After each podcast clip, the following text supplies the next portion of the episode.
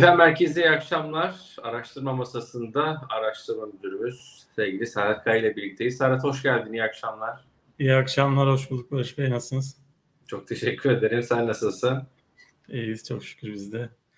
Ender rastlanan Serhat Kaya yayınlarından bir tanesi yazdım ben Twitter'a. Böyle bir tabir var ya Ender rastlanan Ososuna atakları diye. Sen de Ender yayın yapıyorsun. Yok, ben takip ediyorum. Güzel zaten e, yayınlarınız oluyor. E, biz de ara ara katkı yapmaya çalışıyoruz. Estağfurullah. Çok e, hakikaten seviniyoruz. İzleyicilerimiz yazıyor. Heyecanla bekliyoruz. Dün Ali Bey attı. E, Serhat Bey ne zaman e, yayına çıkacak diye. Hemen biz tabii izleyicilerimizi efendim e, dinliyoruz. Serhat'tan rica ettik ve bu akşam bizi kırmadı. Bu akşam yine bol bol borsayı konuşacağız. Tamamen borsa yayını yapacağız. Sizlerin sorularını da alacağız. Ee, sorularınızı ekrana yazabilirsiniz e, chat bölümüne. Abone olan izleyicilerimizin sorularını ekrana yansıtabiliyoruz biliyorsunuz. Abone değilseniz hala Yatırım Finansman YouTube kanalında abone olmanızı rica ediyoruz.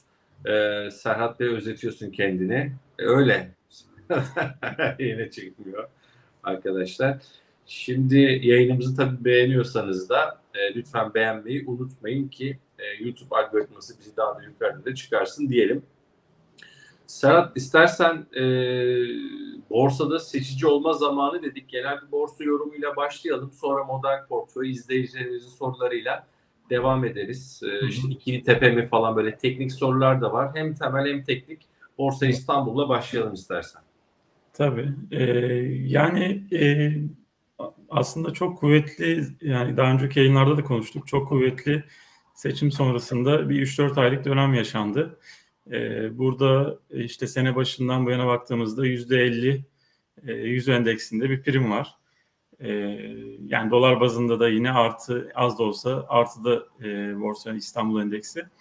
E, tabii hisse bazlı primler bunun üzerinde olan çok daha fazla prim yapan hisse senetleri de oldu. E, genel olarak aslında e, kuvvetli bir seyir var. Bunun e, nedenlerinde e, baktığımızda tabii e, bu sene enflasyonun yüksek devam etmesi burada büyük bir e, faktördü. E, ama bunu hani birkaç kere daha hesaplamıştık. Yani bu seneki %60-65'lik beklenen enflasyon aslında şu an büyük oranda hisse senetlerine yansıdı. Yani kalan tutarı bunun belki %15, 10-15'lik kısmı daha e, genel olarak baktığımızda değerlemelere yansıyabilir. E, ama hani büyük kısmı zaten rally olarak bunu yaşandı. Enflasyon tarafındaki değerlemelere etkisi veya şirket ciroların etkisi. Biz üçüncü çeyrekte bunu biraz daha somut göreceğiz rakamlarda. Ama borsa zaten bunu önden genellikle fiyatladığı için e, burada neden seçici olma zamanı diyoruz. Artık çünkü baktığımızda e, hem güçlü yükseliş sonrası e, hedef fiyatlara veya genel olarak borsada e, endeks hedeflerine prim potansiyelinde nispeten daha az e, rakamlar var. Ve alternatif maliyetimiz de giderek yükseliyor ya da sermaye maliyetimiz de giderek yükseliyor. Bu da nedir? Tabii ki faiz e, oranları giderek yükseliyor. Buradaki Merkez Bankası'nın politikasının tabii burada etkisi var. E, geçen sene bambaşka bir politika vardı. E, faiz oranları e, düşük tutuluyordu ekonomiyi canlı tutmak için seçim öncesinde. E, şimdi de tam tersi bu artık e, ödemeler dengesini iyileştirmemiz adına biraz frene basmamız gerekiyor. E, seçim öncesi de bu kademeli bir şekilde yapıldı şimdi yerel seçimler öncesinde. Çok pardon ve e, şu anda aslında herkese bir e, faiz e, aklında bir not olarak duruyor. Yani ha, bu yatırım yaparken de böyle, harcama yaparken de böyle. Yani şu geçen seneye kadar ya da bu senenin ilk yarısına kadar e, işte tasarruf mu harcama mı yapmak yerine düşünürken yani çoğu kişi harcamayı seçiyordu ama şu anda tasarrufun getirisi e, potansiyel getirisi arttığı için e, bu tabii insanları daha çok tasarrufa yöneltecek. Belki e, tüketim tarafında da bir yavaşlama, frene basma e, görmemiz muhtemel. Bu tabii bir yerde yani borsada e, ki şirketleri de iş tüketime duyarlı şirketleri de etkileyecektir. Yani bir bacağı bu. Bir, bir bacağı da tabii e, bu politikaların genel resminin getirdiği Türkiye'nin risk algısında iyileşme. Yani bu taraftan da bakarsak e, risk şey. algısı iyileşmeyle beraber aynen borsa için iyi bir şey.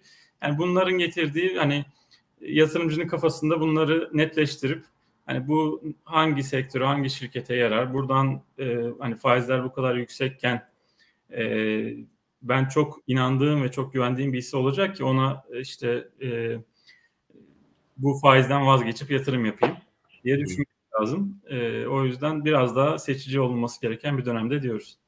Peki. İzleyicilerimizin sorularına da bakacağız demiştik. Ee, Osman Turhan Bey, Serhat Bey'in yönettiği bir fon var mıdır demiş. Ee, Yok. Onu istersen yanıtlayalım. Ya tabii ki biz e, bizim görevimiz analistlik yani biz araştırma bölümü olarak e, benle beraber 5 tane analist e, hisseler için e, biz sadece rapor yazıyoruz. E, onları takip ediyoruz, şirketlerle görüşüyoruz. Sonra görüştüğümüz şirketlerle ilgili rapor yazıp onları da müşterilere aktarıyoruz.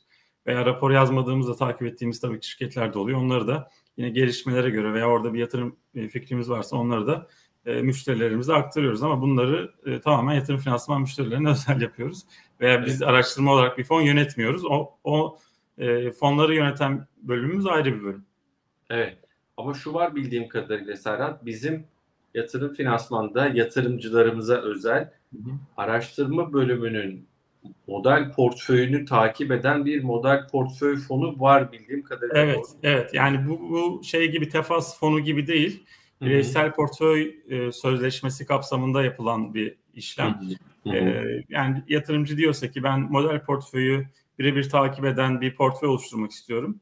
E, buna göre oluşturulmuş bir portföy grubumuz var. E, buraya dahil olduklarında direkt bizim model portföye gir, bir hisse girdiğinde otomatikman onlar da bu portföyde portföylerine o hisse dahil oluyor. E, tamamen şeyi bizim portföyümüzü kopyalamış oluyorlar. E, evet. Bu takip etme şeyinden e, uğraşından kurtuluyorlar. Evet böyle bir durum var yani dolaylı aslında bir durum söz konusu evet. model portföyle ilgili. Ee, teknik açıdan şimdi temeli anlattım ama teknik açıdan da işte ikili tepe mi bugünkü e, dönüş e, aşağı geri geliş böyle kısa vade için sanki ikili tepe gibi bir formasyon. Bilmiyorum hani e, teknik bakıyor musun yoksa daha çok temel mi değerlendiriyorsun? O konuda ne dersin bu tip e, teknik analiz tadıyla soranlara?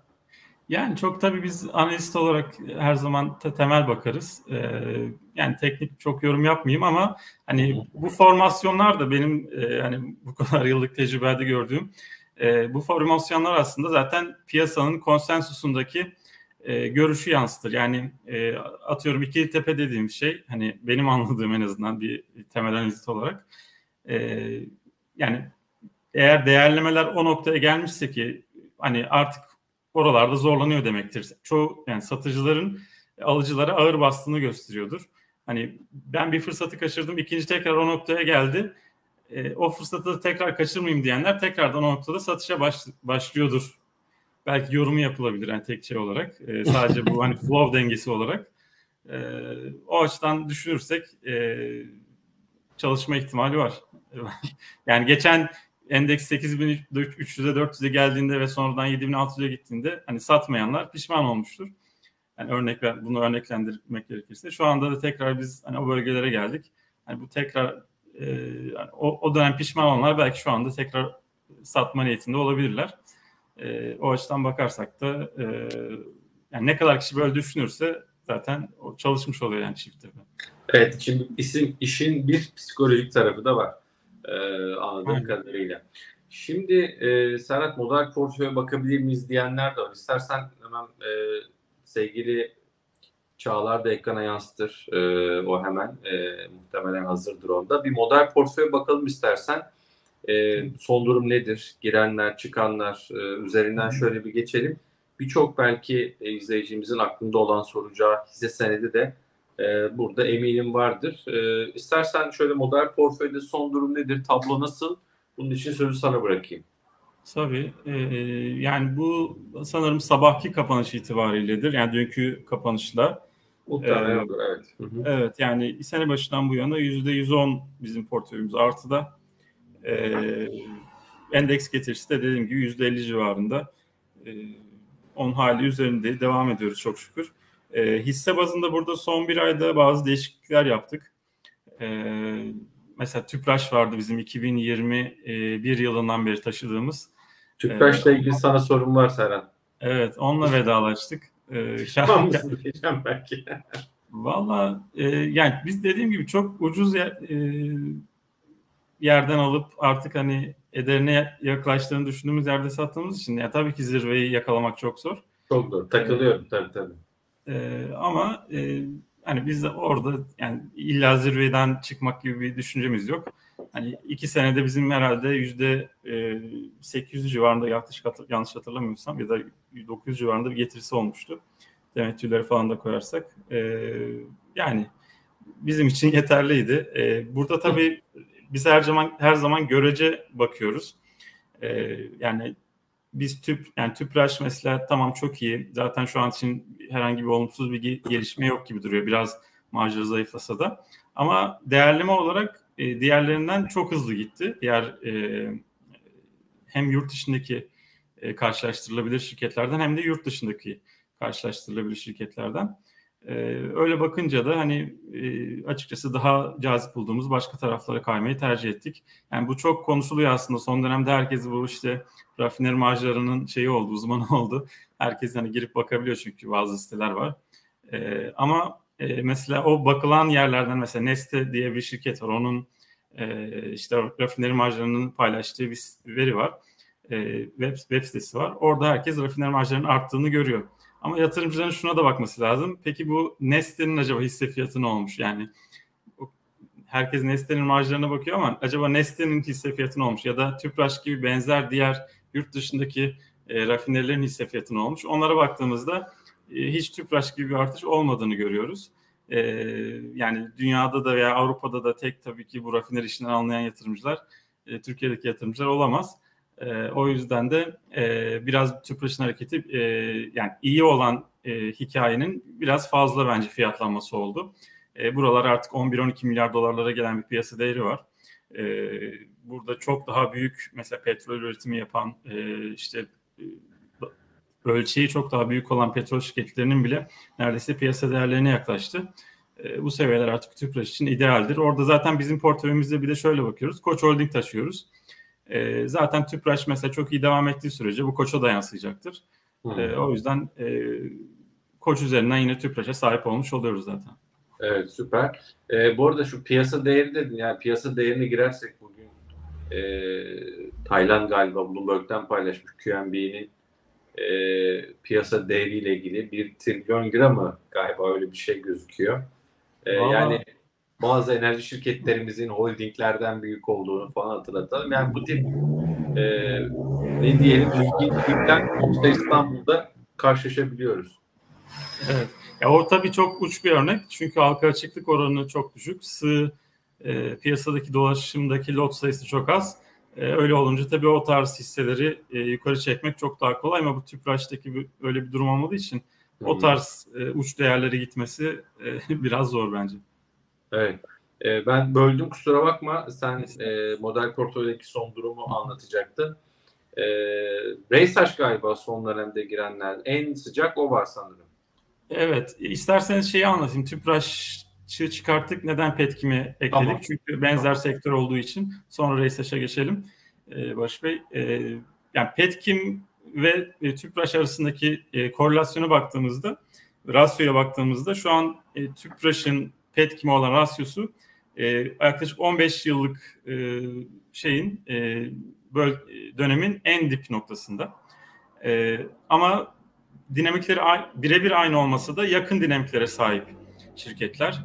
E, ikisi de petrol sektöründe, petrokimya sektöründe faaliyet gösteriyor. E, tabii ki üretim süreçleri farklı. Fakat şöyle bir yatırımcıların e, bilgiyi akıllarında tutması gerekiyor. E, dünyada bazı petrokimya tesisleri hem e, ham petrolü alıp akaryakıt üretebilir, e, o esnekliğe sahip. İsterse de petkim gibi e, petrokimya ürünü üretebilir. Hangi ürün daha karlıysa bazı tesislerde bu esneklik vardır. E, oraya üretimini kaydırabilir. Şu anda da rafineri marjları iyi olduğu için e, son aylarda bu tarz esnek olan şirketler e, tabii ki üretimlerini e, akaryakıt tarafına, rafineri tarafına kaydırıyorlar. E, fakat bu kaydırma sonucu ne olacak? Doğal olarak burada bir arz talep dengelenmesi olacak. Rafineri tarafındaki arz artarken oradaki marjlar normalleşecek. E, diğer taraftan da e, petrokimya tarafındaki üretim azalacağı için de oradaki arz azalacak ve arz talep dengesiyle beraber oradaki marjlar bence normalleşecek. Yani böyle bir dengelenme süreci aslında otomatik olarak çalışıyor bu sektörde. E, o yüzden yani rafineri marjları evet son bir senedir, bir buçuk senedir iyi gidiyor. E, ama bu bir noktada e, bütün petrokimya tesislerinin de bu tarz esnek tesislerin o tarafa yükleneceği için diğer taraftaki e, yani petrokimya tarafındaki yani Petkim ürettiği plastik ve benzeri e, ürünleri üreten tesislerdeki arzı azaltacaktır. O da bence piyasadaki şu andaki düşük olan Petkim marjlarının toparlanmasına yardımcı olacaktır. Bu birinci nokta. İkincisi Petkim de e, bu sene itibariyle Star rafinerisinde yani Sokar grubunun e, Türkiye'de kurduğu ikinci Tüpraş'tan sonra ikinci rafineri olan Star rafinerisinde pay sahibi olacak. Bu Ekim ayı itibariyle bu işlemin tamamlanması bekleniyor. Petkim'de Star rafineride %12 e, hissedar olmuş olacak bu işlem tamamlandığında. E, bu şöyle bir avantaj getirecek Petkim'e. E, tabii Star Rafinerisi de Tüpraş gibi çok karlı olduğu için hem oradan temettü olacak hem de e, Star Rafinerisi'nin %12 karını Petkim kendi bilançosuna yansıtacak. Bu da bizim tahminlerimize göre yaklaşık 2,5-3 milyar yani 100 milyon dolar civarında Petkim'in bilançosuna kar olarak yansıyacak. Bu birinci ciddi bir kar katkısı olacak Petkim açısından. İkincisi de e, Petkim e, Star'dan ham madde tedarik ediyor. E, bu da e, geçmiş dönemde burada tabii Star Rafinerisi borçlu olduğu için buradaki ticari ilişkilerde tam istenilen sinerji yakalanamamıştı.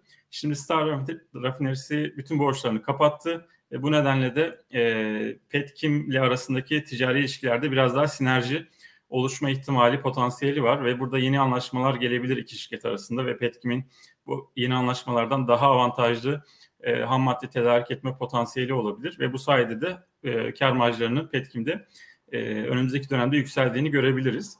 E, ve değerli bunların haricinde tabii değerleme olarak da Petkim şu an 2 milyar doların altında.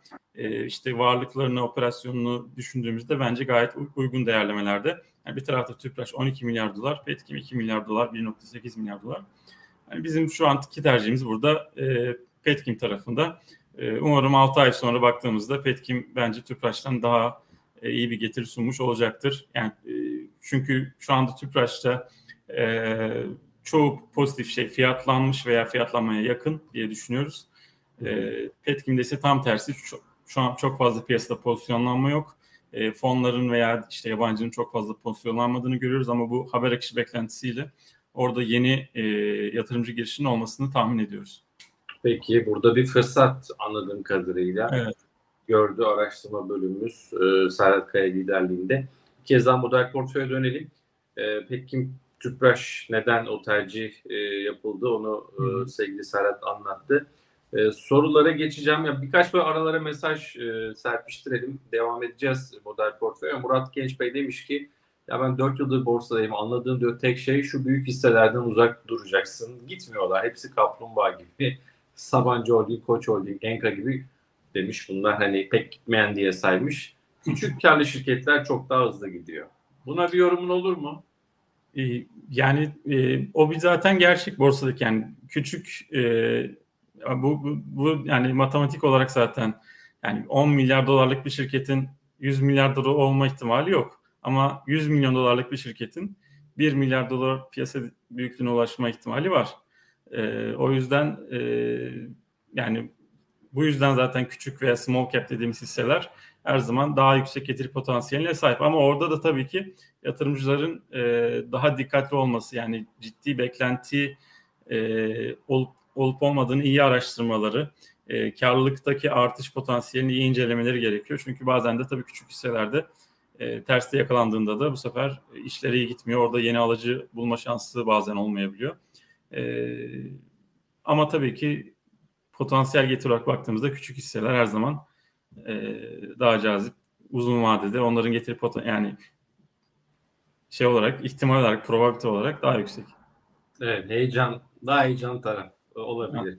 Serhat istersen dönelim model portföye. E, demiştik ki Reysaş gayrimenkul yatırım ortaklığı sanırım. Reysaş'la devam edelim.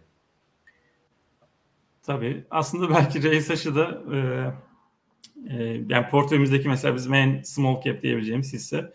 E, çok fazla aslında genelde yer vermiyoruz small cap'lere ama orada bu sene e, bizim GEO analistimiz sağ olsun bir rapor yazdı zaten. Araştırma kapsamına dahil ettik. E, ve ardından da şeyi de ekledik, model portföyü de ekledik. E, onu neden beğeniyoruz? RSH GEO aslında kendine has, yani GEO sektöründeki e, şirketlere baktığımızda ağırlıklı olarak ya konut odaklı şirketler var e, ya da e, turizm odaklı e, veya işte ticari tarafta ofis, AVM odaklı şirketler var. E, Research GEO şu anda depo odaklı portföyü olan e, tek şirket. Hatta yani dünyada da çok fazla eşi benzeri yok. E, ve bu Türkiye'deki depo tarafında şu anki talep gayet kuvvetli. E, baktığımızda yeni depo yatırımları şu an çok fazla yok. Çünkü özellikle büyük şehirlerde İstanbul gibi, İzmir gibi, Ankara gibi büyük şehirlerde depo yapmak için büyük alanlar gerekiyor ve şehir merkezine yakın yerlerde büyük alanlar oldukça değerlendi. E, ve bu yüzden de maliyeti çok yükseldi. Ve bu yüzden yeni depo bulunamıyor büyük şehirlerde ve Research Geo'nun da eskiden bu şehirlerde arazileri olduğu için ve bu yatırımları çok eskiden tamamladığı için şu an bu e, elindeki depolar oldukça değerlenmiş durumda. E, bu şirket tabii depoları ne yapıyor? Kiralıyor. E, uzun dönemli kiralama yapıyor. İşte e-ticaret şirketlerinden işte uluslararası firmalara kadar birçok müşterisi var. Ve e, baktığımızda kira gelirleri enflasyon endeksli. Yüksek enflasyon döneminde kira gelirlerinin arttığını görüyoruz. E, burada şöyle bir şey var hatta yani enflasyonun üzerinde aslında şu an kira artışları var piyasada. E, fakat şirket müşterilerini hani ilişkisini bozmamak adına 5 e, yılda olmadan enflasyon üzerinde e, kira artışı yapmıyor. Ama giderek bu 5 yılı dolan müşteri sayısı artıyor şu anda. Kiracı sayısı artıyor. Ve bu nedenle de baktığımızda her yeni yenilenen e, kira sözleşmelerinde e, metrekare başına kiraların arttığını görüyoruz. Yani şu anki işte şirketin ortalaması metrekare başına galiba 3-4 e, dolar civarında. Bu yeni e, imzalanan sözleşmelerde 10 dolarlara çıkıyor. Ki e, şu anki raiç değerlerinde o seviyelerde olduğu söyleniyor. Yani dolar bazında, FX bazında e, kira gelirlerinde çok ciddi bir burada yukarı yönlü potansiyel var. E, ne zaman gerçekleşecek bu? Sözleşmeler yenilendikçe kademeli olarak gerçekleşecek. E, biz işte bu sene 1. Nokta, önümüzdeki sene 1.5 milyar TL gibi bir kira geliri öngörüyoruz burada. E, ki e, biraz temkinli bir yaklaşımdı bu. En son açıklanan e, kira sözleşmelerindeki oranlara baktığımızda e, bu rakamın 2 milyara doğru gitme potansiyeli var. Hani yatırımcılar şöyle düşünebilir. E, hani yıllık 2 atıyorum 2000 lira kirası olan bir gayrimenkule ne kadar hangi çarpanla e, sahip olmak isterler. Hani öyle düşünürlerse 2 milyarlık kira e, getirisi olan bir e, gayrimenkulün e, yıllık olarak e, hani bize göre hani piyasadaki tabii konut tarafındaki çarpanlar çok daha yüksek. Ticari tarafta 12-15 arasında çarpanlar var. Yani böyle bakarsak şu anki RSHG'nin piyasa değeri 11-12 milyar TL. 6 çarpanlara denk geliyor ki bu gayet makul çarpanlar ki burada e, depo dışında şirketin e, bir arsa portföyü de var veya işte daha önce e, atıl olup da e, çeşitli müteahhitlere verilip oradan gelecek ilave nakit akışları da var. E, çeşitli müteahhitlere verildi ve orada şu anda konut projeleri yapıldı. Onlardan da konut satışları yapıldıkça şirkete nakit girecek. Böylelikle borç borç oranları da çok ciddi bir şekilde, hızlı bir şekilde azalacak. Hani bütün bunları e, toplayınca RSH geliyor. Ucuz, e, nakit üreten e, ve hızlı bir şekilde borcunu azaltacak bir şirket olarak e, dikkat çekiyor ve tabii bu nakitler geldikçe de e, büyük ihtimalle de bir noktada temettü ödemeye başlayacak şirket. Orada zaten e, yatırımcı ilgisi giderek katlanacaktır diye düşünüyoruz. Temettü ödeyen çünkü e, bu tarz GEO şirketleri çok daha ilgi çekiyor. E, böyle bir hikaye burada bekliyoruz. Evet. E, Durmuş Döven, e, Durmuş Bey e, Saç'ta geçen gün Bloomberg'de konuktu. Evet. O depo depo e, vurgusunu orada da yaptı. Depolarımızın değerlenmesinin pozitif etkisini yaşıyoruz. Depo yapmaya devam edeceğiz. Lojistik sektöründeki karlar artarak devam edecek. Akaryakıt zamları bizi olumsuz etkilemiyor diye e, böyle manşetleri e, çıkarmışız e, yakın dönemde. Depo vurgusu e, Bloomberg'deki yayında da e, yapılmıştı diyelim son ya yeni çıktı bir kaç gün oldu yani e, birkaç gün olmuştur. Evet, evet dündü sanırım biz de izledik. Evet, dün, dün, yani genel olarak bizim zaten görüşlerimiz de paralel. Evet. Ee, devam edelim istersen. Ee, Serhat bu arada ufak ufak sana motivasyon mesajları gönderiyoruz. Valla Serhat Bey'i özlüyoruz demiş. Keşke daha sık görebilsek. Onun olduğu yayınları başa sarıp sarıp dinliyoruz. Defa etmiyor. Sarıp sarıp izleyeceğimiz değil. İnşallah anlamadıkları için değildir. yok yok. Şaka olur mu canım? Şimdi e, model portföye dönelim Çağlar'cığım. Çağlar'cığım biraz hızlı koşturalım. Çağlar tabii gündüz e, işte akşam yayında e, onu böyle ekstra mesai yaptırıyoruz. Şimdi burada e, hani bu şey sırasına göre güncellenen tarih sırasına göre değil mi? Mesela en, en yukarıda Reysaş var.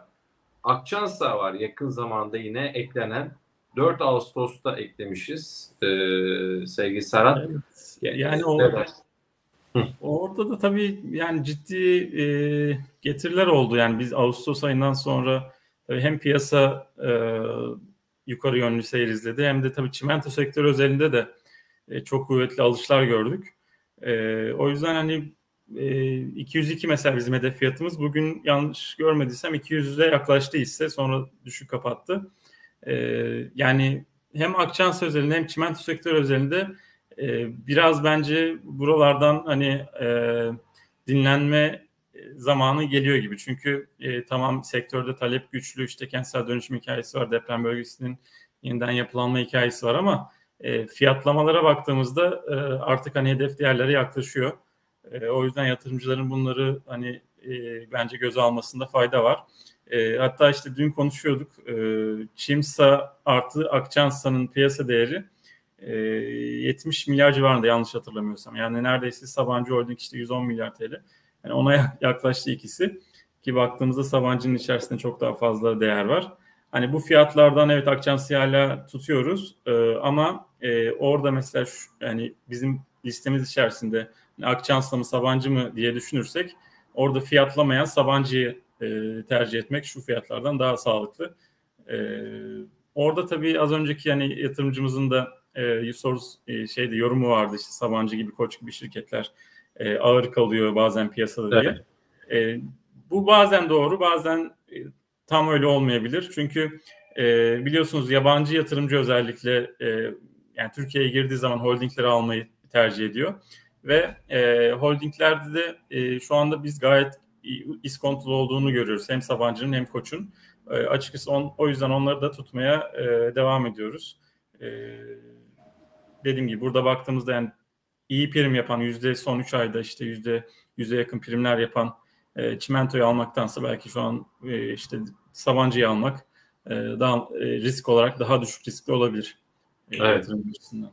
Ceylin Hanım e, ne kibar adamsın Serhat Bey ne güzel laf ettin demiş. Serhat e, yayında olduğu gibi normalde de o kadar nazik bir kibar onu söyleyeyim Ceylin Hanım. Yayında olduğu için böyle değil yani gerçek hayatta da e, bu kadar nazik e, sevgili Serhat.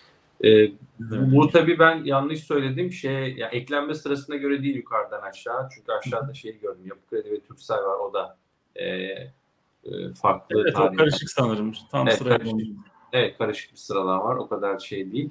E, Reysaş'ı konuştuk. Akçansa'yı konuştuk. O zaman hemen bir aşağıya ineyim istersen. Hı hı. E, Türksel izle, soran bir izleyicimiz vardı Türksel'le ilgili. Hı hı. Türksel'de tabii bir garip şey de oldu yani 10 gün e, genel müdür atandı 10 gün sonra. Evet onu hakikaten piyasa da anlayamadı biz de anlayamadık hani e, olabiliyor kamu şirketi hani e, yönetim değişiklikleri olabiliyor kamuda böyle sık sık. E, fakat şirketin operasyonel olarak baktığımızda çok fazla e, hani orada olumsuz olacak bir durum olmadığını düşünüyoruz. Aksine bundan sonra orada iyileşmeler görmeyi, kademeli olarak bilançoda karlılıkların artmasını görmeyi e, bekliyoruz. E, belki bu değişimleri de hani ona yorabiliriz. Çünkü biliyorsunuz hani kötü kötü zamanlarda şirketlerde yöneticiler de zorlanır. Onlar da bazen hani ya da yönetici bulmak zorlanır ama iyi zamanlarda da e, oraya herkes o görevlere talip olur. E, belki hani belki biz olumlu taraftan bunları yormaya çalışıyoruz. Hı hı. E, orada hani operasyon olarak baktığımızda Turkcell'in e, iyiye gideceğini düşünüyoruz. E, hatta bu akşam da Cumhurbaşkanı yeni bir açıklama yaptı. E, işte gençlere, üniversite öğrencilerine 10 GB istedikleri operatörden e, şey verilecek, e, evet. internet paketi verilecek. Bu tabii e, detayları belli değil ama e, illaki burada operatörlerle devlet, hükümet görüşmüştür diye düşünüyoruz. Yani bunun bir e, parasal katkısı illaki olacaktır. Yani buradaki soru işareti acaba bu gençler nasıl olsa paket gelecek deyip kendi para verdikleri paketlerini düşürürler mi veya hani onları e, daha düşük paketlere getirirler mi? Gençler harcar. Harç evet yani giderek artan bir tüketim, data tüketim olduğu için. Gözünün yaşına bakmaz valla. Oho havadan 10 GB geldi diye düşünürdüm ben genç olsam. Evet evet yani oradan da yani ilave bir gelir e, kaynağı olabilir bu şirketler, telekom şirketlerine diye düşünüyoruz. E, Turkcell'in hani temelde başka Turkcell'le ilgili e, Yok yani dediğim gibi onu beğenmeye zaten e, şeyde bilanço sonrasında da 85 lira yaptık hedef fiyatımızı. Yani şu an %50'nin üzerinde gayet e, cazip bir potansiyel e, taşıyor. E, devam ediyoruz yani taşımaya. Peki e, hemen altında yine son dönemdeki yani bir ay önce sanırım eklemişiz. Hı hı. İyi e, düzeltiyorum ondan biraz daha şey. Yapı Kredi Bankası 7 Ağustos'ta görünüyor. Evet. E, hem Yapı Kredi Bankası hem de bankalarla ilgili de e, e, Serhat bir genel yorum da rica edelim. Bu son KKM düzenlemesini gördük. Onun olumlu olabileceğine dair değerlendirmeler de var. TL dönüşümü KKM ile ilgili bir e, faiz e, sınırı diyelim e, kalktı. E, evet. Daha düşük faiz ve bağlayabilecekler TL KKM'leri bankalar. Hı hı. Onun avantaj olabileceğine dair değerlendirmeler de duyduk. Senin e, hem yapı krediyi niye seçtik ve genel bankacılık endeksi bankalarla ilgili yorumunu da e, sormak isterim. Tabii. E, yapı kredi ve bankalar özelinde e, bundan sonrası için bilanço tarafında e, bir toparlanma beklentimiz var. Bunun da sebepleri arasında dediğiniz gibi e, yani son dönemde tabii mevduat faizleri artıyor. Bu aslında bak, bakınca hani bankacılık sektörü için olumsuz ilk bakışta. Ama e, burada tabii geçmiş dönemdeki regülasyonların hatırlanmasında fayda var. Çünkü e, seçim öncesindeki regülasyonlarda e, bankalara kredi verirken hep üst sınırlar vardı. Yüksek faizden veremiyorlardı ve istedikleri kadar da kredi veremiyorlardı. Şu an politika faizi hem yukarı gitti ve dolayısıyla bu bankaların kredi verirken ki e, uy, uy, uymak zorunda kaldıkları üst sınırlar yukarı çekildi. E, bu nedenle de yani mevduat faizleri yukarı gitse de bankaların şu anda kredi marjlarında yani mevduat maliyetiyle kredi faiz arasındaki marjlarda iyileşme var. Ee, onun dışında dediğiniz gibi bu KKM'deki çıkış stratejisi e, bir noktada bankalara yarayabilir. Bu işte en son dediğiniz gibi bu hafta yapılan düzenlemeyle mesela e, alt limit sınırı kaldırıldı. E, bu şu demek yani zaten şu anda e, yatırımcılar da bunu e, bankalardan öğrenmiştir. Şu anda mesela TL üzerinden KKM yapmak isteyen şeylere yat, e, mevduat sahiplerine bankalar %5 faiz veriyor. Yani %5 faiz demek zaten hani sen bunu yapma demek do, e, dolayısıyla. E, %5 orada KKM faizi varken de do, e, işte bu sefer bankaların diğer taraftaki normal TL mevduat faizleri tabii daha cazip hale geliyor. %40-45 işte 43-45 oranlar konuşuluyor. Diğer tarafın aşağı gelmesi yani TL KKM faizinin aşağı gelmesi bankaları e, daha yüksek mevduat faizi verme zorunluluğundan kurtarıyor aslında. Yani nasıl olsa diğer taraftaki cazibe azaldığı için e, işte ben mevduat faizini artık 50'ye yükseltmek zorunda değilim diyebilir bankalar. O yüzden belki o mevduat faizlerindeki yükselişin e, biraz e, durduğunu görebiliriz bu uygulama sonrasında. Ki bunun da sinyalleri var gibi. E, zaten hani 50'nin üzerindeki mevduat faizleri genel olarak e, hani o beklenen ekonomideki yavaşlamayı da çok çok hızlandıracağı için e, çok da sağlıklı olmayabilir. Çok herkes onu istemezdir. Yani özellikle yerel seçim öncesinde.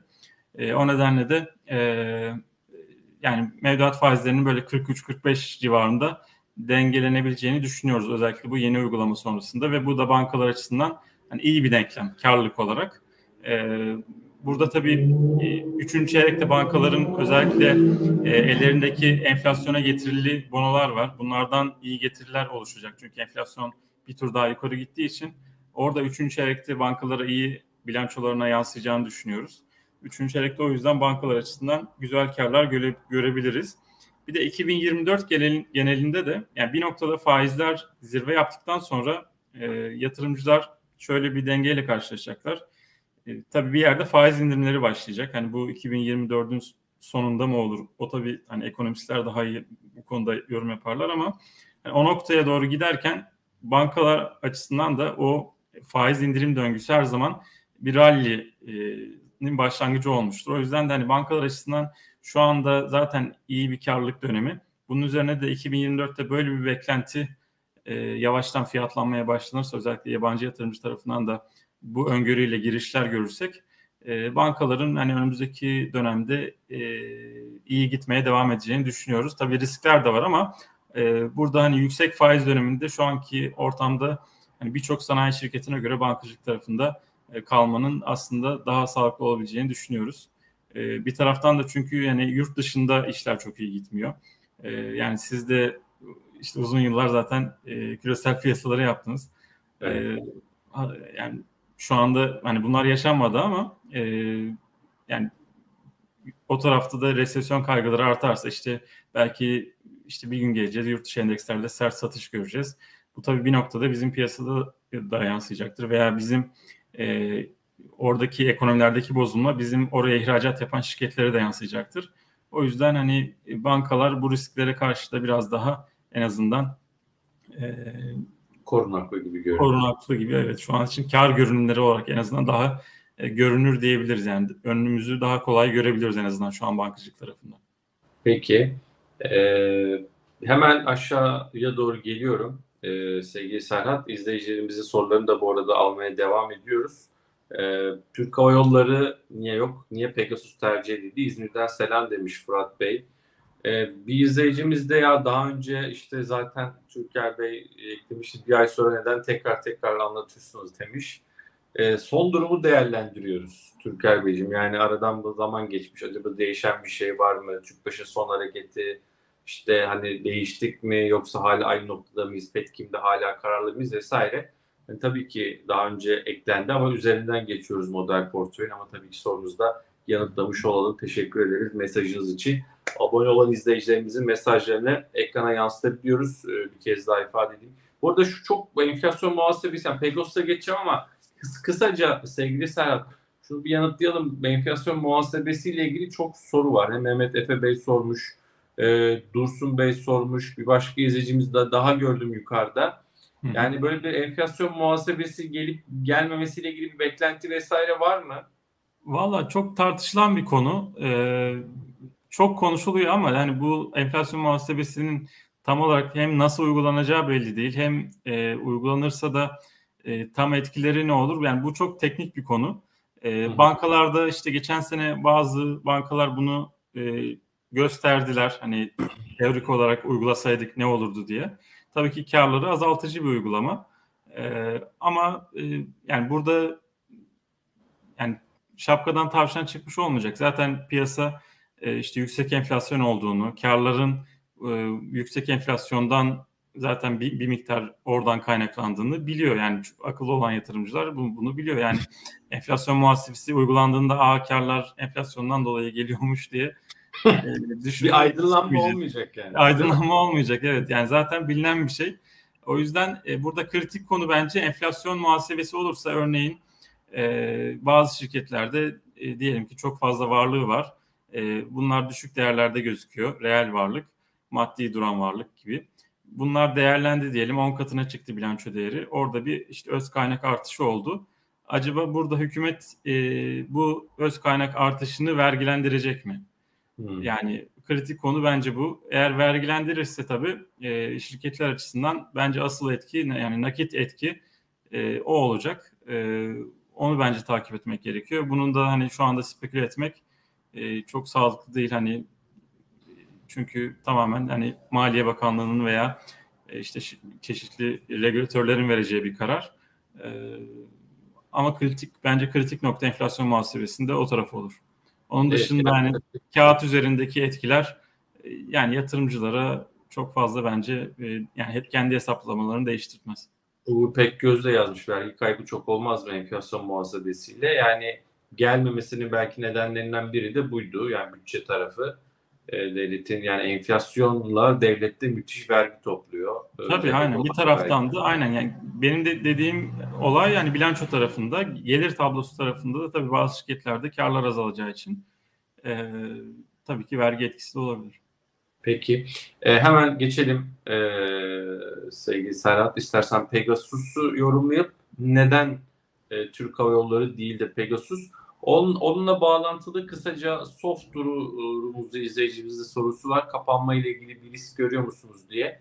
Sanki böyle bu Enis miydi, Eris miydi e, bir varyant var ya adını da evet, evet. bir tane ad olduğu için bir geldi ama o kadar etkili değil falan Sağlık Bakanımızın açıklaması olunca hani pek de böyle e, bir pandemi havası da oluşmadı açıkçası. Dolayısıyla yani, sanki o hava geçmiş gibi ama ben seni dinleyeyim evet. Yani dediğiniz gibi şey e, Türkiye'de de bunun varyantın görüldüğünü Sağlık Bakanı açıkladı. Sonrasında hisselerde o gün bir baskı oluştu devam eden 2-3 günde ama yani bu, bu Türkiye'de çıkan bir varyant değil. Daha önce çıkan ülkelerde baktığımızda herhangi bir pandemi önlemlerine yol açmadığını veya kapanma gibi bir sonucu yol açmadığını zaten e, görüyoruz. E, öyle baktığımızda da aslında hani Türkiye'de de zaten Sağlık Bakanı sonradan da bu mesajını açtı. E, Türkiye'de de hani korkulacak bir durum olmadığını belirtti. Yani bu aslında biraz bahanesi oldu. Bazen çünkü hisseler çok yüksek prim yaptıktan sonra bu tarz zayıflama dönemleri yaşayabiliyor. E, o işin bence biraz bahanesi oldu. E, yani alıcı kalmadığında maalesef hani o, o haber on, o gün sadece onu tetikleyen oldu. Demek ki e, artık zaten satıcılar ağır basmaya başladığını göstermişti. Ama Pegasus'u biz hala değerleme olarak beğeniyoruz. Önümüzde güzel bir bilanço dönemi var Pegasus açısından. E, üçüncü çeyreğin çünkü iyi geçtiğini düşünüyoruz. Orada tabii e, olumsuz olarak baktığımızda bir tek petrol tarafındaki artış var. E, havacılık şirketlerini etkileyen şu anda. Ama Pegasus'un da orada %50 civarında bir hedge rasyosu var. Öyle baktığımızda da aslında korunaklı e, artan petrol fiyatlarına karşı. E, bu nedenle de yani hem değerleme çarpanları hala e, bu seviyelerden cazip duruyor. E, hem de orada 2024-25 biraz daha orta vadeli baktığımızda e, özellikle Sabiha Gökçen'deki genişleme e, planları var biliyorsunuz. Bunlardan da tabii Pegasus önemli oranda fayda sağlayacak bir şirket. Yani son 1-2 senedir havacılık hikayemiz biraz bizim şey oldu. İşte turizm odaklı, pandemiden çıkış odaklıydı. Biraz bundan sonrası işte şirket odaklı gelişmelere e, odaklanabilir havacılık tarafındaki hikayeler. Orada da işte Sabiha Gökçen'in genişlemesi, buradan Pegasus'un alacağı pay, büyüme ilmesi, yakalayacağı büyüme ilmesi e, biraz daha 2024'te özellikle e, piyasa tarafından fiyatlanmaya başlanabilir. Yakın vadede de dediğim gibi 3. çeyrekte güzel bir bilanço beklentimiz var. E, o karları gördükten sonra da yine piyasa hissede yukarı yönlü momentumun e, oluşacağını düşünüyoruz. Peki Kardemir'i en sona saklayacağım. Holdingler hem Sabancı hem Koç e, bizim model Ondan Evet kısaca bahsettik aslında yani dediğimiz gibi burada hem e, yani port portföyü riski dağıtmak adına yani biz işte tüpraş taşımıyoruz orada koç taşıyoruz veya otomotiv tarafında çok cazip görmüyoruz açıkçası değerlemeleri. İşte on iyi gitmeye devam ederse de koç üzerinden faydalanırız diye koç taşımayı tercih ediyoruz. Ford ee, yerine koç alıyoruz gibi mesela. Evet, evet aynen. Yani Sabancı tarafında da aynı şekilde. Sabancı'da da orada da portföy e, içerisinde hani potansiyel e, değer çıkma potansiyeli olan işler olabilir. Enerji tarafında yapacakları projeler PS, piyasada biraz daha e, değerin ortaya çıkmasından e, neden olabilir. O, o tarafta da onu hala beklemeye devam ediyoruz. İskontosunun hala cazip olduğunu düşünüyoruz. Yani burada hani %30 iskonto dediğimiz aslında az bir şey değil. %30 iskontonun %10 iskontoya gelmesi demek e, yani diğer iştirakleri aynı fiyatta bile kalsa yatırımcı için ciddi en azından e, %30-35'lik bir prim anlamına e, denk geliyor. E, o yüzden e, yani burada bu iskontoların bence değerlendirilmesi gerekir. Peki e, Kardemir'e bakalım istersen. E, Demir Çek senin de yakından takip ettiğin e, bildiğim kadarıyla daha böyle e, ilgin ilginin olduğu demeyeyim de böyle daha derinlemesine bakıyorsun. En azından bizim konferanslarda onu hissediyoruz. E, Konya'ya gideceğiz yakın zamanda bu arada ProMTA ile inşallah.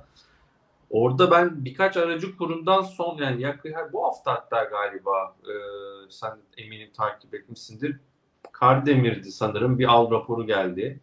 Ee, evet yani yavaştan e, piyasada e, evet. şeyler e, e, beklentiler biraz e, pozitife dönüyor. Bu biraz da piyasadaki genel e, getiri arayışından da kaynaklanıyor olabilir. Çünkü e, herkes işte bu rotasyon kapsamında yani belli zaten sektörler, hisseler iyi getiri sağladı ama geride kalan bazı sektörler var. Bunlardan zaten önde gelenden bir tanesi demir çelik tarafı.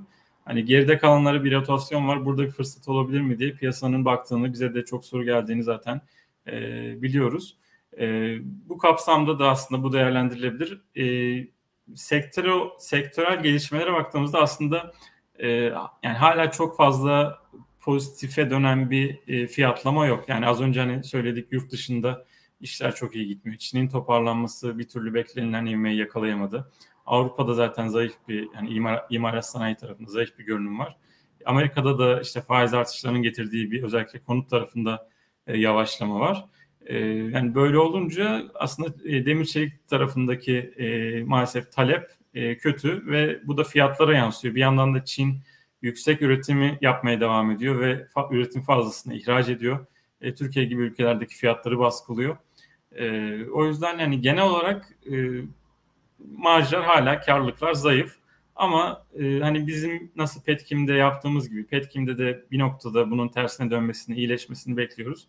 Hani bir Kardemir'de ve Ereğli'de de yatırımcılar bunun işte 2024'te veya 2024'ün sonlarına doğru e, artık e, arz talep dengesinin normalleşerek oradaki karlılıkların e, iyileşeceğini, zıp tekrardan eski seviyelerine yükseleceğini e, bekleyerek şu anda pozisyon açma hevesinde olabilirler. Orada bizim tercihimiz Kardemir tarafında. Zaten hani Kardemir'in e, bu küresel dinamiklerinden e, öte kendi içerisinde de bir çünkü hikayesi var. E, orada işte ürün mixinde yani sattığı ürünlerin dağılımında daha katma değerli ürünlere e, kayış var şirketin. İşte daha önce e, işte daha böyle commodity dediğimiz, emtia dediğimiz basit ürünler üretirken daha giderek artan yüksek kar marjı ürünlere, işte özellikle bu demir yolu tarafındaki ürünlere üretimini kaydırması. Bu tabii Kardemir özelinde demir çelik dinamiklerinden pozitif ayrışma potansiyeli taşıtıyor. O nedenle Kardemir'i e, hem bu sektördeki toparlanma potansiyeli beklentisi hem de kendi içerisindeki bu büyüme ve karlılığını arttırma potansiyeli nedeniyle orada biz daha e, cazip buluyoruz. O yüzden zaten eklemiştik. E, onu da taşımaya devam ediyoruz. Ereğli mi Kardemir mi diyelim peki? İşte şu anda Kardemir e, tarafında devam ediyor tercihimiz. Peki ya bunu yanıtladık. Türk Hava Yolları neden Pegasus seçildi diye. Ee, Ereğli ile ilişkin şu soru var. Deprem bölgesinde büyük projeler almanızdan diye duyduk. Ne kadar doğru acaba diye. Serhan Bey sormuş. Yani e, yatırımcıların bu tarz şeyleri, söylentileri e, hani duyduktan sonra bir şey yapmaları gerekiyor. Kendi kafalarında canlandırmaları, değerlendirmeleri gerekiyor. Yani Ereğli zaten ürettiği ürünü satma sıkıntısı yaşayan bir e, şirket değil. Zaten ürettiği ürünü satıyor. Ama hmm. hangi fiyattan satıyor? Bunu da küresel dinamiklere göre, küresel arz talebe göre, küresel çelik fiyatlarının e, eğilimine göre belirlemek zorunda. E, ve yani dolayısıyla deprem bölgesine de satsa, işte otomotiv fabrikasına da satsa veya işte ihraç ihracat da yapsa burada asıl önemli olan küresel çelik fiyatlarının gelişimi. E, o yüzden çok fazla etkisi olacağını sanmıyoruz oradaki bir anlaşma yapılsa bile. E, enerji sektörü sadece hacim olarak belki İstemir fabrikasında hacim artabilir. E, yani deprem dolayısıyla orada bir üretim kaybı oluşmuştu. E, satış hacminden kaynaklı bir toparlanma olabilir. Peki dep e, enerji ile ilgili sorular var enerji sektörü. Bir de neden enerjiden herhangi bir şey yenilenebilir enerji şirketi yok? Model portföyde değil. Tabii şöyle bir zaman zaman senle Serhat şey yapıyoruz. E, böyle model portföyde konuşumuz yayınlar. İzleyicilerimiz sağ olsunlar kendi tuttukları hisse niye yok? Ya da bizim sektör niye yok diye soru sorabiliyorlar. E, tabii haklı olarak biz de yanıtlıyoruz. E, yani enerji sektörü mesela ben de ekleyeyim o soruyu. Niye yenilebilir enerji sektörü yok model portföyde? Enerjiyle ilgili hani değerlemeler biraz e, şişmiş görünüyor yoksa enerji ama biz şunu beğeniyoruz enerjide vesaire dediğin beğendiğiniz model portföy harici şirkette var mı?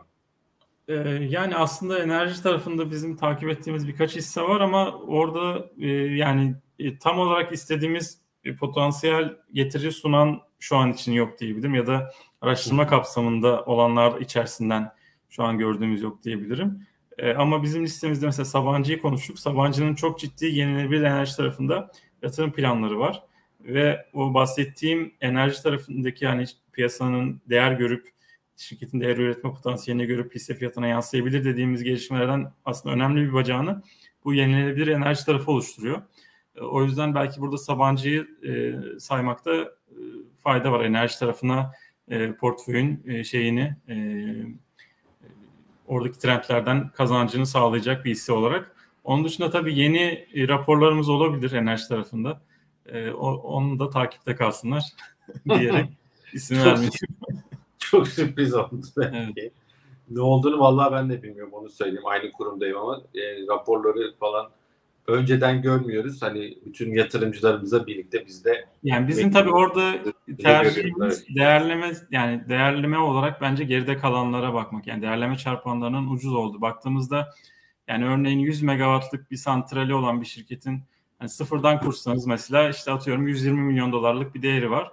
Ama bakıyoruz o şirket atıyorum 500 milyon dolar olmuş.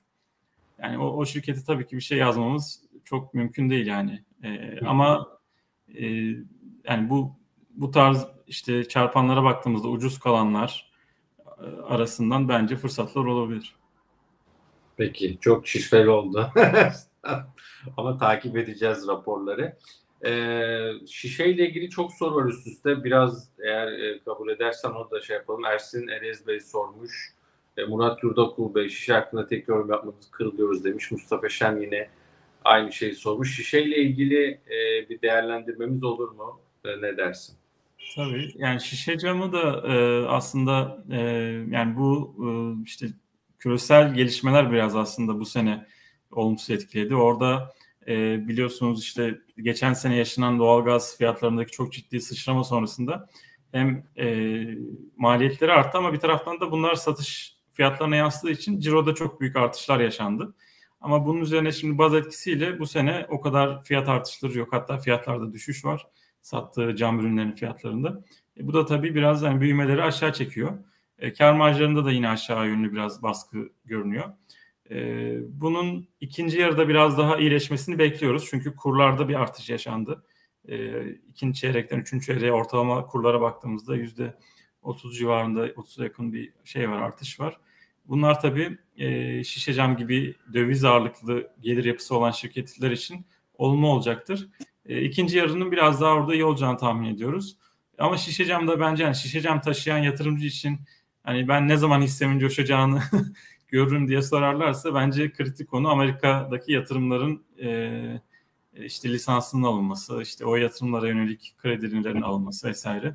Bu tarz gelişmeler bence orada asıl e, şeyi hisse hareketini biraz daha hızlandırabilir.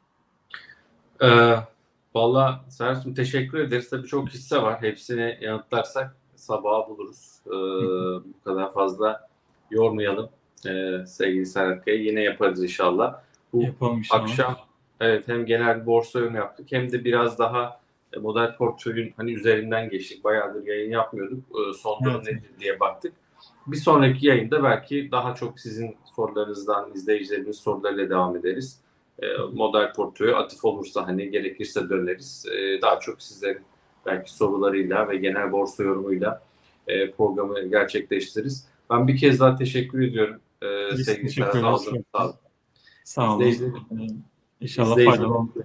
Kesinlikle faydalı oldu. Çok seni daha fazla görmek istiyorlar dediğim gibi zaman zaman e, yazıyorlar da bize. Yani sen senin o analitik bakışın, e, araştırmanın desteği, araştırmanın kalitesi her yerde söylüyoruz. Yani yatırım finansman bölümünün, yatırım finansmanın araştırma bölümünün ne kadar başarılı olduğunu, ne kadar hakikaten hassas olduğunu, dikkatli olduğunu, seçici olduğunu bugünkü programa e, başlığımıza attığımız gibi e, ellerinize sağlık bütün arkadaşların ve başta senin. Dolayısıyla inşallah yine yayın yaparız. Bu akşam için izleyicilerimize veda edelim. Bir sonraki programda buluşmak üzere diyoruz efendim. Allah'a ısmarladık. İyi akşamlar herkese. Yatırım Finansman